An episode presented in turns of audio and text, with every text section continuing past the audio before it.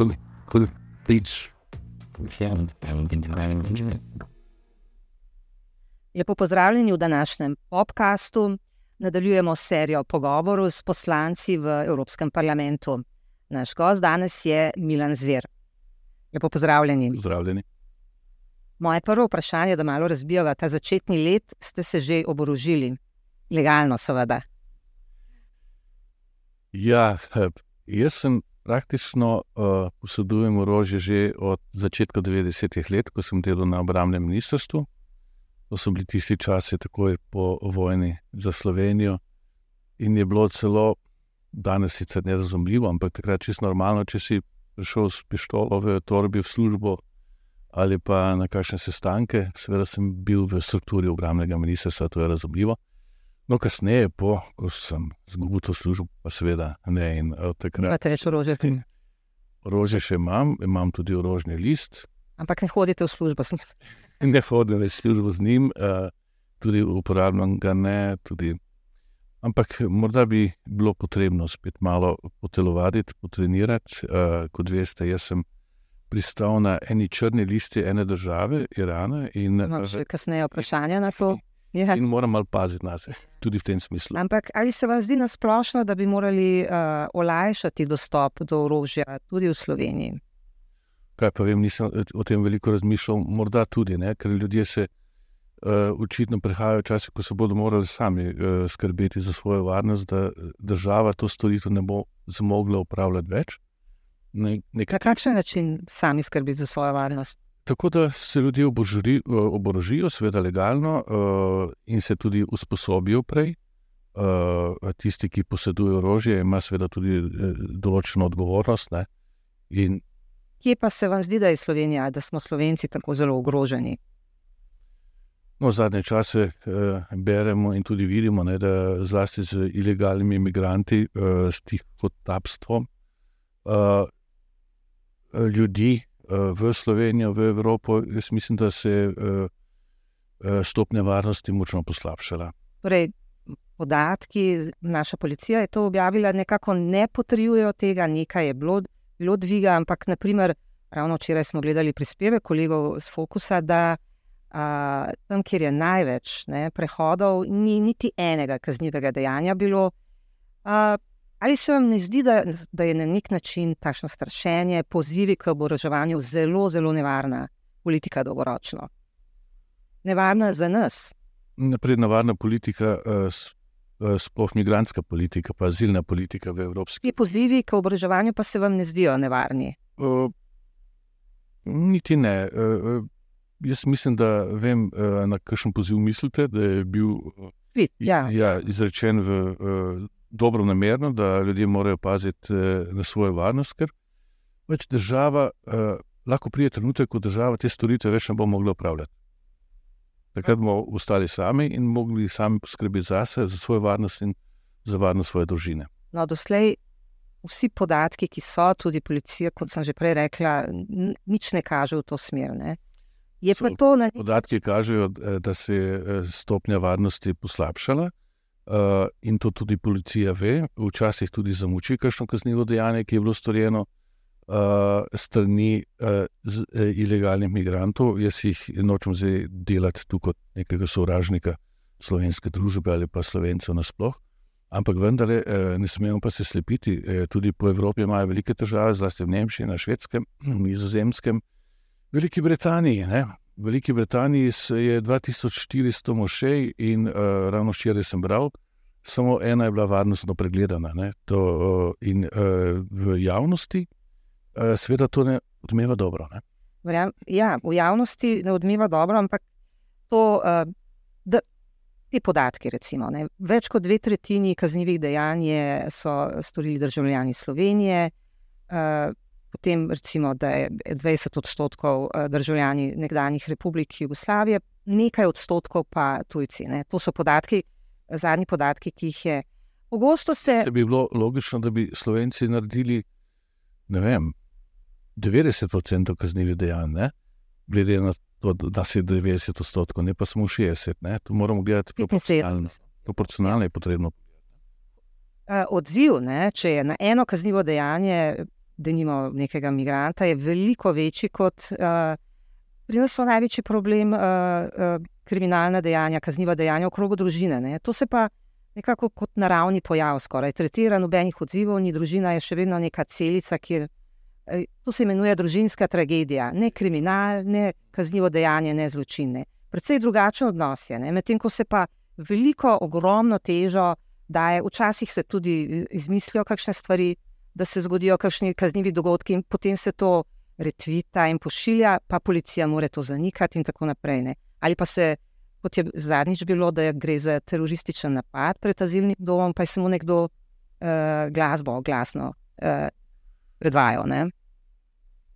Se vam ne zdi, da je to nekaj, kar imate vi? Jaz mislim, da tudi družinski kriminal, oziroma to, kar se dogaja znotraj štirih sten v družinah, kar medijsko močno eh, odmeva pri nas eh, vsake take eksces. Prej se mi zdi, da se zlasti menjstri mediji, kamor spada tudi vaša hiša, prej zamočijo kakšno zgodbo, tudi po, povezavi z imigranti. Pa zagotovo, lahko trdim, da, ni, da ne drži. Zdaj, mogoče imate vi druge podatke, ampak jaz delam tukaj, pa mogoče konkretno poznate kakšen primer, ker in se o tem uh, moramo pogovarjati z uredniki in novinarji. Ne? Ampak dvomim, da, da se zamoči. Ne? Dvomim, da mi zamočimo, če uh, je pa res, da ne objavljamo pa stvari, ki se niso zgodile. Ne? Ki se niso zgodile. Ampak, naprimer, uh, pravite, da uh, se, bi ljudje morali sami braniti, pojavljajo se tudi živaške straže, ne? recimo Ivana Gorica. Ne? Ali se vam ja. to ne zdi nevarno, da ljudje sami vzamejo zakon v svoje roke? To ni v redu. Ne?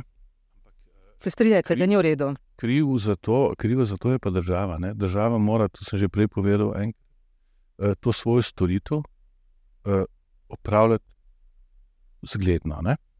Storitev. Torej, varovanje, eh, varnost uh, postaja ena od uh, najbolj pomembnih vrednot za ljudi, zlasti zdaj v Evropi.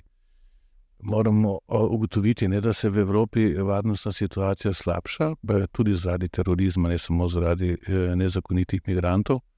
Uh, in uh, to podatki nazorno kažejo. Jaz sem bil član odbora, uh, parlamentarnega odbora, uh, ravno pred nekaj leti, ko smo obravnavali terorizem in vse posledice, ki je prinesel za varnost v Evropski uniji. In uh, posledice so kar hude. Uh, samo v Bruslu je 800 ljudi pod nadzorom, torej so uh, jih smatrali za speče teroriste. In kdaj pa kdaj se kakšen zbudi in napravi kakšno teroristično dejanje. In uh, moram povedati, da tam varnostna situacija ni najboljša. Ne?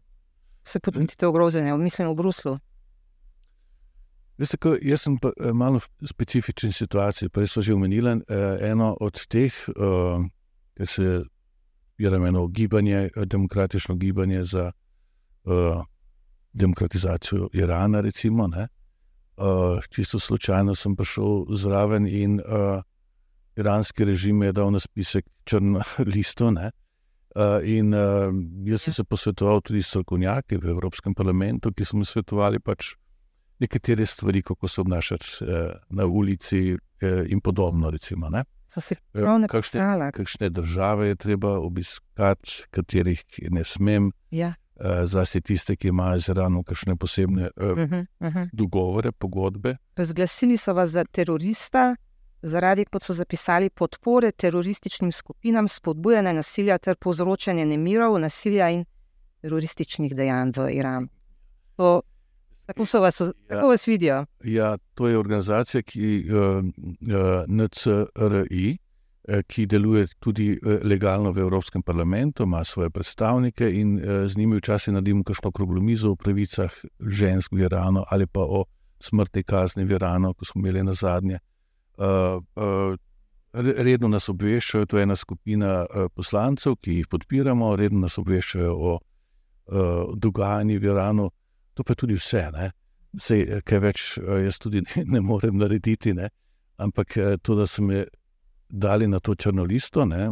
teroristov, uh, se mi zdi dokaj pomenljivo, zato ker ta organizacija je nemočnejša. Uh, um, opozicijsko gibanje uh, ki ima sedež v Parizu, deluje več ali manj po inštitucijah v Evropski uniji, pa ZDA, doma so itak preganjeni, vodijo eh, Rađavi, Marijem Rađavi, eh, gospa in tudi je eh, naredila deset, eh, torej program, ki je sestavljen iz desetih točkah, ki je popolnoma sekularen, demokratičen, čist prozahodni, recimo, bi rekli temu evropski in poskuša s to platformo uh, tudi zmagati. Uh, Me zanima pa nekaj drugega v zvezi s tem. Ne?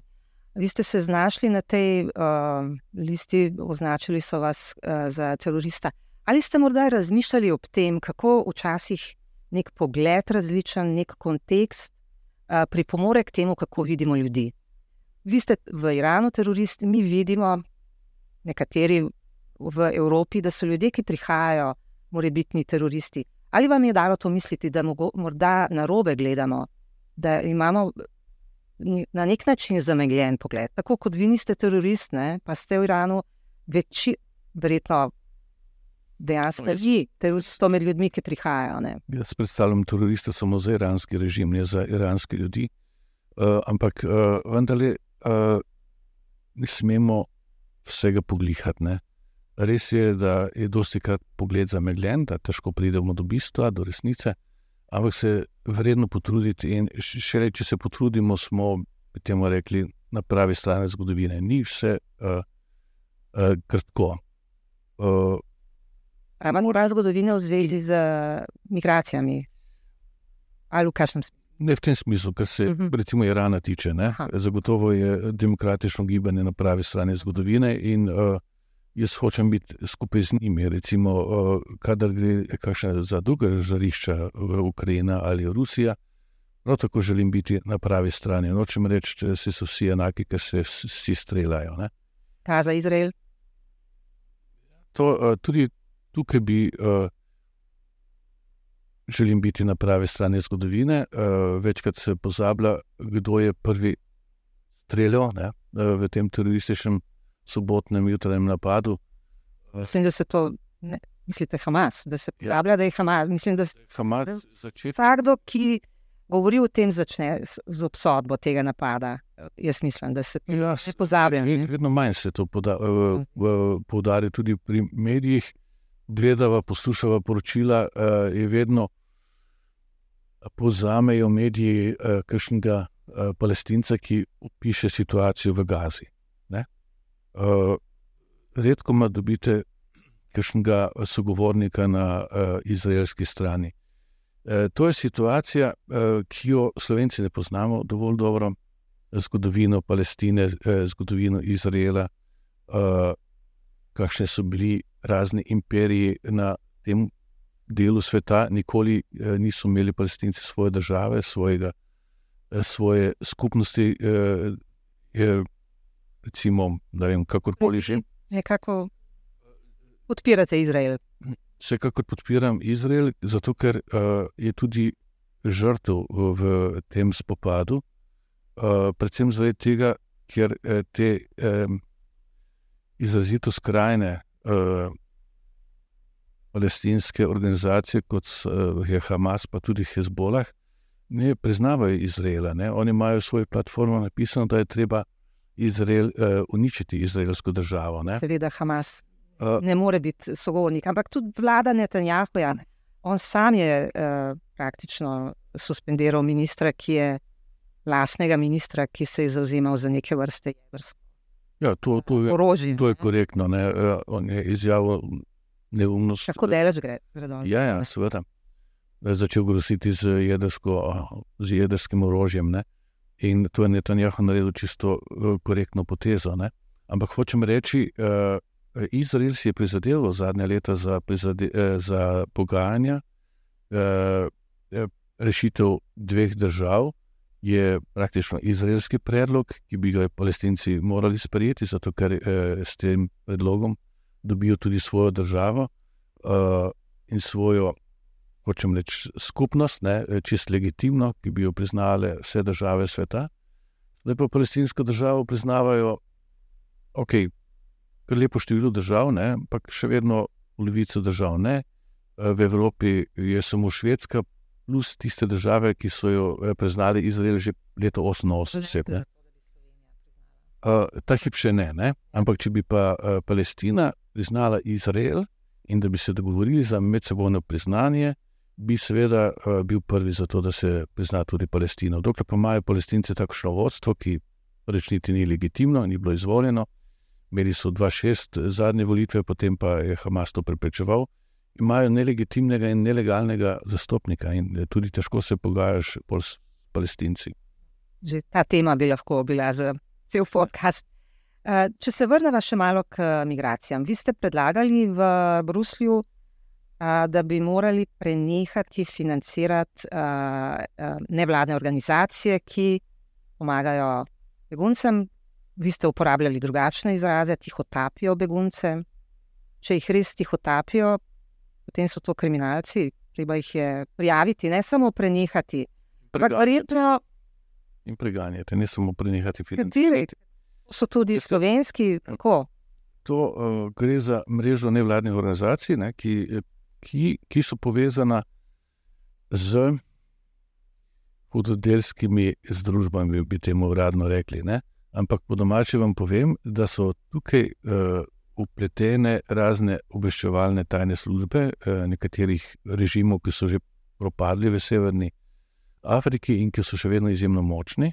Ti, ti predstavljajo jedro uh, teh tihotapskih mrež. Uh, no, tem so se kasneje priključile razne nevladne organizacije, ki so levo usmerjene in ki jim pomagajo in jim dajo tudi. Se vam zdi, da, da se te uh, zavestno, da so se priključile ali da so naivno šle v to igro?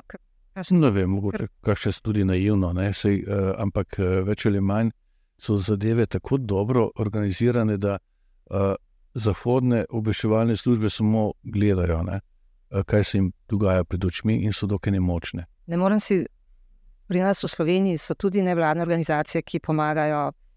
Tudi za njih mislite, da sodelujejo z obveščevalnimi službami? Možno. Možno. Balkanska pot je močna, dobro organizirana in zagotovo tiste slovenske organizacije, ki sodelujejo pri tih utapljanjih, Torej, pri tih otabljanju, ne, to pa ni, ne, samo sklepam. Ker, to je stvar potem za policijo. Ne. Ja, seveda. Pa, se pa mogoče ne ločuje za dosti, ne, če so kriminalci, ki hotapijo za denar, in ljudje, nevladne organizacije, ki pomagajo beguncem in v tem smislu uh, pogosto upravljajo delo države, ki ga ne naredi. Ne. Zdaj vidimo, kakšne so razlike. Mogoče tudi. Na Lampeduzi zagotovo. Ja, ampak tudi v Sloveniji, ne, v azilnem domu uh, poka po šivih, uh, pogoji so slabi. Ja. Uh, in uh, na meji, in tako naprej. Torej, absorpcijska sposobnost male Slovenije je bistveno drugačna kot Italija ali pa Španija. Recimo, in tukaj moramo paziti, moramo imeti neko politiko, ne moramo imeti politiko odprtih vrat, kot imamo sedaj. Ja. Ker, Težko rečemo, da imamo.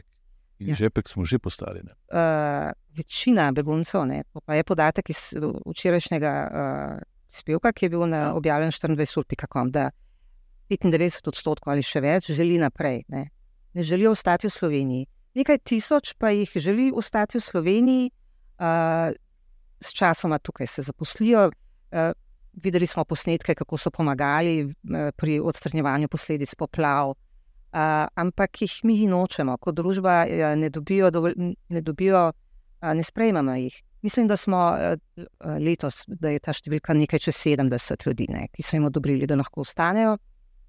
Zakaj? Po drugi strani pa potrebujemo delavce, delavce bi uvažali iz Filipinov, z Tajske. Ljudje, ki že delajo, ki so se že na nek način vključili, nekaj tisoč jih je, recimo, pa jih pa nočemo. Ne. Sem pripričan, da, bi, da so to delovci, ki jih potrebujemo, da imajo, posedujejo določene veščine, ki jih slovenska družba in ekonomija potrebujeta. Uh, res se bojim, da uh, je dosti med njimi tudi kakšnih borcev, ne, uh, ki so se urili ali pa bili v času islamske države.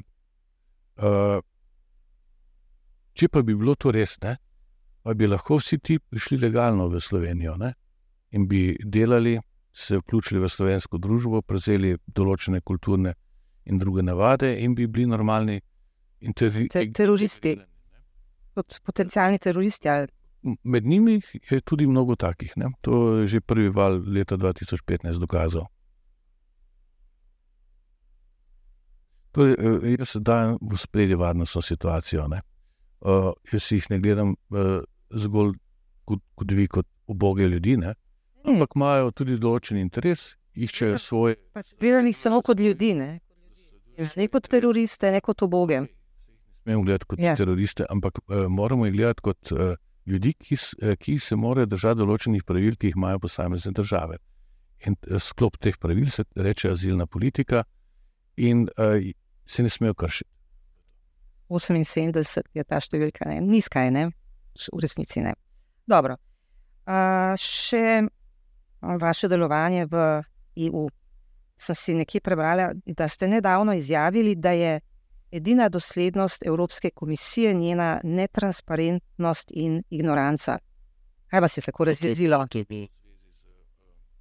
Nekim konkretnim dogodkom, ne? ampak eh, dejstvo je, da je Evropska komisija dobra inštitucija, sposobna inštitucija, učinkovita inštitucija. To se je izkazalo tudi uh, ob, v času pandemije in pa tudi v reakciji, ko je uh, Rusija izvedla agresijo na uh, Ukrajino. V uh, pandemiji je uh, komisija odigrala izjemno pomembno vlogo ne? za vse države članice in tudi za, za manjše države članice, kot je Slovenija. Ima pa vrsto slabosti. Ne? Uh, torej, da, uh, ta konkreten dogodek je bil glede medijev. Ne? Ja, glede medijev. Da ima da se v, v nebo pjoča dvojna merila. Ne? Tudi, gled, ja, kar se medijev tiče, pa zakona RTV uh, in uh, vloge komisarke Jurove, ki je komisarka za transparentnost. In ko zahtevam pojasnilo, en uradni dokument, ki bi ga mogla dati javnosti, zato ker javnost ima pravico verjeti, uh, ne, ni duha. Vedno, oči, v katerem? V Jurovi, govorim, komisar Jurovi. Eh, ko, ko je bila na obisku v Sloveniji v času sprejemanja zakona RTV, je obiskala uh, sodišče, ustavno sodišče. Jaz sem seveda hotel pogled v zapisnik tega pogovora in sem od šestih strani dobil samo eno stran. Vse ostalo je bilo, uh, vse temu reče, prečrtano, ne, da se je prečrnjeno, ja, da se ni dalo brati. No, pro, že nekaj časa prosim še za ostali del, zato ker lahko gre za precedens. Če se je pogovarjala v času sprejemanja nekega zakona, to pomeni, da je intervenirala v zakonodajni postopek, kar Evropska komisija nikoli ne bi smela storiti. Ne? To je uh, veliki greh, morda se tega ljudje vsi ne zavedajo, ampak noben evropski birokrat ne bi smel vplivati na proces odločanja, nek, na nek zakonodajni postopek v državah članicah. Ne. In to imam na sumu, in eh, zaradi tega se seveda. Če je sum, je brani, potem dobro, da se to razčisti. Ja, se, ja, se, ja. Je, tu čakamo in tudi zaradi tega. Da uvrže ta sum. Uporabo, ja. recimo, ta pojem dvojna merila. Ne. Ampak glede RTV, ne, dvojna merila bi lahko rekli tudi za vas na nek način. Ne.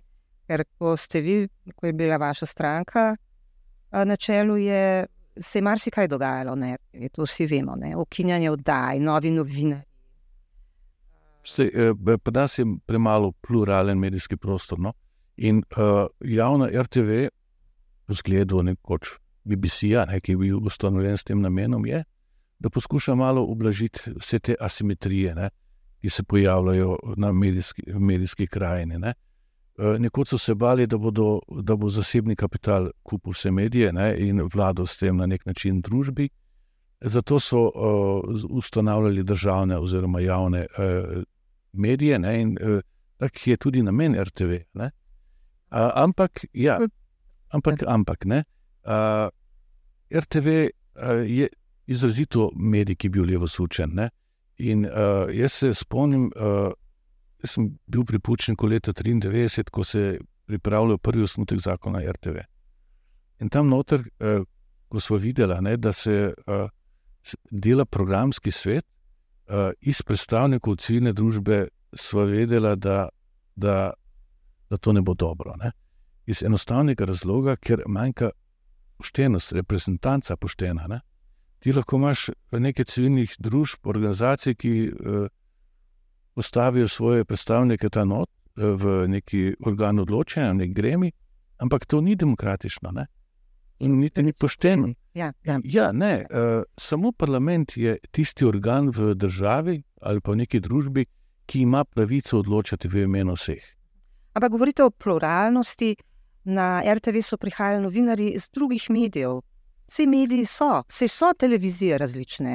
Bi težko rekli, ki so rekla, različno sočni. Ja. Zakaj uh, se to ne izrabi? Ne?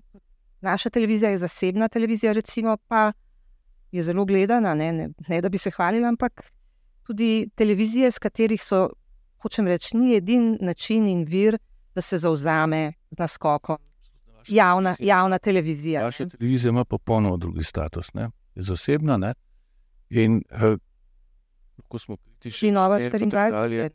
Tudi, ja. Ja, uh, ampak Ampak uh, javna televizija pa ima poseben status, ne, ki bi morala služiti temu, da je vsak državljan objektivno informiran. Ne. Bi se morala truditi za to. To je ključno poslanstvo javnega medija. Ne. Objektivno informiranje. To pa je že nova tema. No, uh, vaša poslanska kolegica Ljudmila Novak je takrat rekla: najprej pomesti pred lastnim pragom. Ne. Če se spomnite, zanima me uh, samo na hitro, morda ta nekakšen spor, ki smo mu zdaj pričali, SDS, eh, NSI. Ali je to uh, občutek, je, da je skozi leta desni blok bil veliko bolj monoliten kot levi? Ne? Ali so to zdaj prve razpoke v zadnjem času, ki se kažejo? Škoda je, da je bil desni blok eh, bolj monoliten. Uh, je pa res, da, da so na levi strani, ne, če govorimo o blokih ali lagerjih, malo bolj um, inventivni pri ustvarjanju novih in novih strank. Ne. Za vsake volitve ustvarijo kakšno novo, dominantno stranko, ki uspe, da pripričajo voljivce, uspe in dobi vlado. Recimo, jaz bi pogrešal stabilnejšo socialdemokracijo na levi strani, ne, ki bi igrala to vlogo, ne, stalnega. Medtem ko na desni strani je pa problem, ker SDS nima dovolj ustreznega partnerja za oblikovanje vlade, ne? dovolj močnega Se partnerja. Kaj vidite, da bo s platformo že ta logarja? A, težko rečem. Ne? Čist, uh, pravzaprav čist nič ne vidim, če me sprašujete o tem. No, Rajši bi videl recimo, eno močno stranko, uh, dvakrat močnejšo Tuninovo stranko, recimo, uh, ki bi bila dostojen partner. Ne? Ampak se prihajajo že časi, tudi v Slovenijo, ne, ker bodo tudi potrebne velike koalicije, zlasti zato, ker država uh, se sooča z vedno večjimi problemi. Ne. Se veste, terorizem, migracije, vojne in tako naprej, ki so praktično tukaj na meji. Ne. Ja, in nekoč bo slejko prej prišlo do tega. Ne. Zanima me, vi ste eden rekla, najbolj zvestih uh, sodelavcev Jana Zajanša, članov SDS skozi vsa ta leta. Uh, tako je vse videti. Vendar, mogoče lahko to delite z nami. Tudi med vama, kdaj je prišlo, prihaja do sporov in če kakšni so. Ah, niti, niti ne. ne. Uh, mi dva z Janom Janšom sva bolj povezana tako. Ne osebni, lahko bi rekel, tudi prijateljski ravni. Eh, seveda pa imamo včasih tudi kakšne drugačne poglede, jih debatiramo in ne nosimo takoj v javnost, ne, če pride do kakšnih uh, takih nasprotij znotraj. Uh, tukaj smo mogoče malo bolj zrela politika od nekaterih drugih, ki uh, priješ tam, pa je nekaj, što pomisli, pravijo nekje na jugu. Ampak še to me zanima. Nekateri člani SDS pa so odšli ali pa so morali. Ali vam je žal za, za katerim izmed teh članov, da, da je odšel, da se je tako razpletel? Hmm, zagotovo. Mogoče kakšna imena. Ne, zagotovo bi si želel, recimo, da je žiga Turk bliže, da je tudi Romana, Jordan, uh -huh. bliže SDS-u, uh, pa še kašnega. Uh, veliko ljudi bi si, bi si želel, da so malo bolj proaktivni znotraj stranke. Uh, če greva še, ma, še malo k vašemu delu v parlamentu. Leta 2021 je bilo glasovanje o resoluciji o pravicah LGBT po vseh članicah Evropske unije, da bi se nekako izenačilo in za določene ukrepe proti Mačarski, Romuniji, Polski. In vi ste glasovali proti. Zakaj? Uh, da ne bo nesporazumov. Ne? Uh, naša stranka, ki je bila uh, prva vlada, Janševa, je sprejela zakon o uh, istospolnih partnerstvih in podobno. Ne? Praktično smo mi prvi uzakonili določene pravice, recimo gejev, lezbij in podobno. Uh, tukaj pa so se, eh, sčasoma je pa LGTB postala inštrument v rokah eh, politične levice v Evropskem parlamentu. In če so hoteli nekaj narediti, ne, so dosti krat uporabljali ravno to orožje, eh, še posebej proti Mačarski in pa Polski. In jaz sem pa proti takim zlorabam inštrumentacije. Za pravice konkretnih ljudi. Trpijo. Pravim, dosti krat, če mi govorimo o Evropskem parlamentu o krompirju, bo zagotovo trikrat omenjen LGTB pa splavno. To, to je moje naslednje vprašanje. Recimo, že leta eh, 2012, ko ste kandidirali za predsednika, ste se nekako izjasnili proti splavu, ste za prepoved splava, za omejitev dostopa. Tudi za omejitev dostopa, ne, ampak za omejitev uporabe eh, tega eh, v bistvu žalostnega eh, dogodka za vsako žensko. Ne. Vsekakor pa smo večkrat rekli, potrebno je postaviti neke družbene razmere, v katerih bi bil splav uh, čim manjkrat. V Sloveniji to, uh, so zelo, zelo dobre številke, ne? nizke. Uh, kako gledate na, mislim, da je predvsej francoska pobuda to, da bi se ta pravica nekako po temeljno listino evropsko dala uh, do svobode odločanja o rojstvu od splava? Gledajte, sem proti temu. Eh, vse pa res ne rabi biti temeljna človekova pravica. Ne? Še zlasti, če gre za tako žalosten dogodek, kot je splavne. Seveda ima ženska pravico, da odloča o svojem telesu, ima tudi moški pravico, da odloča o svojem telesu. Ne? Ampak eh, ni pa potrebno uh, take zgodbe uh, dvigovati v neko univerzalno človekovo temeljno pravico. Ne? Sveda, ker so države, ki zelo, zelo imejujejo, poveste neko. Ja so problemi. Ne? Še v enem glasovanju sem vas hotela vprašati o tej zdaj že razopiti resoluciji, niti ne resoluciji, ampak o vašem glasovanju o obsodbi. Eh, del resolucije je bila obsodba eh, izjave eh, vojnega zločinca, obsojenega hrvaškega Darja Kortiča, da bi vse ponovil, kar je storil. Se pravi, pokol v vasi Ahmiči, vemo, več kot sto ljudi so poklali. Za je bilo 526 poslancev, 43 proti, od tega 3 slovenski. Ja, ki smo pol popravili glasovanje. Ja, ja.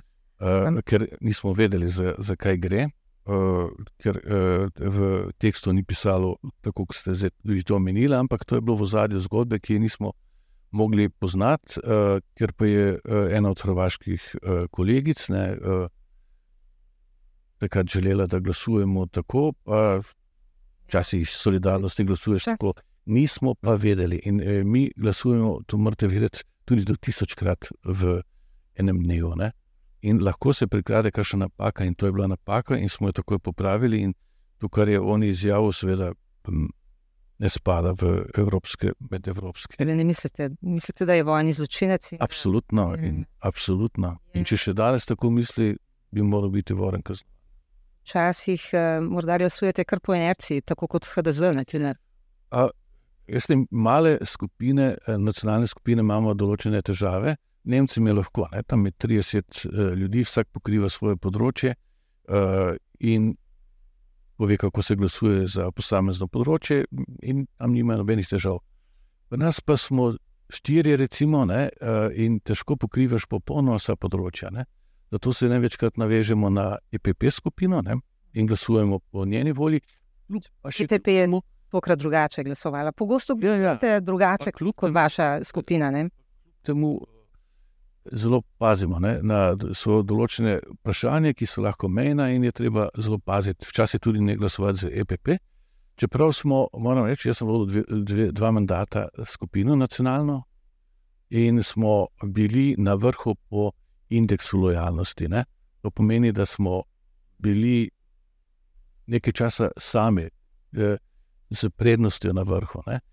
No, se, se počasi človek vpraša, ali je to res cilj. Ne? Včasih je treba tudi eh, povedati svoje mnenje, svoje gledišče v kakšnem perečem vprašanju, in danes več nismo tako, no, čisto vrhu, ampak še vedno smo nekje poprečju. Čisto tako me zanima, no, nekako s temi vašimi gledišči, ki so zdaj še, bi rekla, bolj desni, ne, ki so bližje uh, bolj desnim še skupinam, kot je vaša skupina EPPX. Uh, kdaj pravzaprav se je zgodilo, kakšen je bil, ali, ali je bil kakšen dogodek ali splet dogodkov, da ste nekako uh, prišli do te Vprašanje. Dobre desnice, ker začeli ste drugače. Ne? Vemo, bili ste uh, z, uh, s Francetom Tomšičem, socialdemokratska ja, zveza. Mislim, da ste zdaj v parlamentu. V parlamentu uh, tudi. Am, tudi. Ampak zanima me tudi vaš ta obrat, ne? ki je, bi rekla, iz leta v leto bolj uh, skrajno desen. Ne? Ne, Simo, bi... Jaz imam legitimno danes desno pozicijo, mm. ni skrajno desna. Ne? uh, lahko malo uh, narediva eno razliko med skrajno desnico in uh, desnico. Ampak uh, jaz sem uh, včasih uh, glasoval proti Evropske komisiji ali pa tudi nasprotju z EPP, zlasti ko so uh, se poskušali um, ustvarjati dvojna merila. Ne? In uh, ko so poskušali nekatere desne vlade uh, drugače tretirati, kot so leve vlade, recimo. Ne? na malteško vlado, ki je socialistična, praktično nismo imeli v umoru novinarke nobene eh, prave razprave ali pa pritiska na to vlado. Ne? Če bi se to zgodilo na mačarskem, bi bilo ojojoj. Imate največjo omejitev do splava, ni tako izpostavljena. Okay. Ja. Pa tudi Slovaška ne? je podoben primer in podobno. Torej, dvojna merila, zaradi tega sem bil včasih malo jezen tudi na uh, naše komisarje v Komisiji Evropske. Ampak zdaj, če me sprašujete nasplošno, uh, verjetno, seveda, niste brali uh, vsega, kar uh, razlagam zdaj že 30-40 let o politiki, ampak vendarle, nekaj knjig sem napisal uh, in uh, jaz sem bil verjetno, ne bi se rad hvalil, ampak ne bolj načiten in izobražen o zgodovini slovenske politične misli in nasplošno politike. Uh, več let sem delal raziskave na tem področju, knjige sem pisal in podobno. Ne. In uh, na začetku, pravite, s Tomšičem, manj, bolj s Pučnikom, ne, smo iskali eno paradigmo, uh, eno uh, neko zgodovinsko korenino in smo našli pri Cankarju, pri Peluhu in tako dalje. Ne, in, in uh, pri teh socialdemokratih, ki so bili uh, izrazito narodno usmerjeni in tudi socialno, seveda. Ne, in predvsem narodno. Ne? In v 20 letih je ta paradigma kar prevladovala. No, kasneje ne, pa je stranka se res pomikala na desno. Tudi če eh, kdo reče, ni levega ali pa ni desnega, so taki, vse, vsebina je pomembna. Ampak eh, res smo poslušali eh, javno mnenje naše, naše podpornike. Že decembra 1993 smo naredili prvo javno mnenjsko raziskavo, čisto korektno, po vseh standardih znanstvenih, in smo ugotovili, da so pričakovanja, percepcije našega dela volilnega telesa malo drugačna, ne, kot bi uh, sodili po nekem evropskem modelu socialne demokracije. Ne. In Janš je naredil ta premik, uh, Puč je še mogoče stal v okviru tega, ne, čeprav je bil tudi, rekli, domoljub, narodno usmerjen. Janš pa je naredil ta premik k volilnemu telesu takrat. In uh, Eh, včasih eh, so bile teme drugačne v 90-ih letih, ne kritika tranzicije, pa privatizacije, pa onga, pa tretjega. In na koncu se je oblikovala, moram reči, dokaj uh, kritična masa okoli stranke, ki še danes, recimo. Bili ste, mimo grede, ne, še tudi član Zveze komunistov, še do leta 89. to sem se spomnila na politološkem srečanju v Ankaranu, ki je bilo leta 1989, ste še predstavljali model socializma za prihodnost. Ne? To je kar velik odskok potem bil, ne? v par letih. Ja, ampak če ste prebrali, ne, eh, je tam gre za pomembno stvar. Ne? Jaz sem delal uh, magisterij eh, z področja modelu demokracije v socialdemokraciji, ne, kjer uh, kritiziram jugoslovanski pa slovenski socializem in je možna samo še takrat, pravim, evropska uh, paradigma socialdemokracije ne, v Sloveniji. Ne. Pač komunizem je bil takrat mrtev, ne, takrat smo že vedeli, da ga ni več. Ne. Tudi stara paradigma ne, uh, je bila samo pravnega socializma, je bila v bistvu uh, komunistična enačica. Uh, tako da v 90-ih letih sem uh, jaz te stvari popolnoma razčistil. Razčistil. Ja. Bi rekla, da ste na začetku. Ne, že prej, konec 80-ih let, ko sem bil tudi v mirovnem gibanju. Ne? Bili vendar ne član Zveze komunistov, ja. do konca praktično. Ja. Niti ne, smo šli na fakulteti z eno skupino, uh, kolektivno ven. Na začetku politične poti bi rekla, vsaj meni se, se je zdelo, da ste delovali bolj ambiciozno, da bi pričakovali, da boste zdaj že predsednik vsaj stranke, če ne države. Moja ambicija je bila bolj delati z danosti. Jaz sem uh, prišel v re, red, redno politiko, profesionalno, bolj na ključju, uh, ko me je zaprosil že Pučnik, ne, ki je iskal takrat uh, sodelavce. Uh, in uh, in uh, me je čakal nekaj dne, telegram v Destiniku. In seveda, takega povabila se se mu ne reče ne. ne. Seveda sem uh, šel pol k njemu uh, in sem prve korake politične, prave, profesionalne naredil skupaj z njim. Um, Malo kasneje pa nadaljeval z Janšo. Uh, pred, na zadnjih predvolilnih soočenjih, pred, uh, ko so bile te zadnje volitve za Evropski parlament, mislim, da vas je nekdo vprašal, če vas zanima, če kadarkoli se udeležite volitev za predsednika države. Pa ste kot se spomnim, tako nekako šalijo, rekli, ah, ne, to je pa, to ne mladci delajo. Torej, se vam ne da več. Ne, ste, za predsednika države, to ste upravili takrat, vrnitev v domačo politiko. No, za politiko še nisem bil star, ne? ampak vse, koliko energije imam, jo bi, jo bi rad porabil na mestih, ki mi recimo ležijo. Ne. Ta hip biti predsednik republike ne bi bil. Ne. Uh, veliko bolj mi je všeč to delo, ki ga zdaj upravljam. Imam tudi določen status, pa ogled tudi znotraj drugih političnih skupin.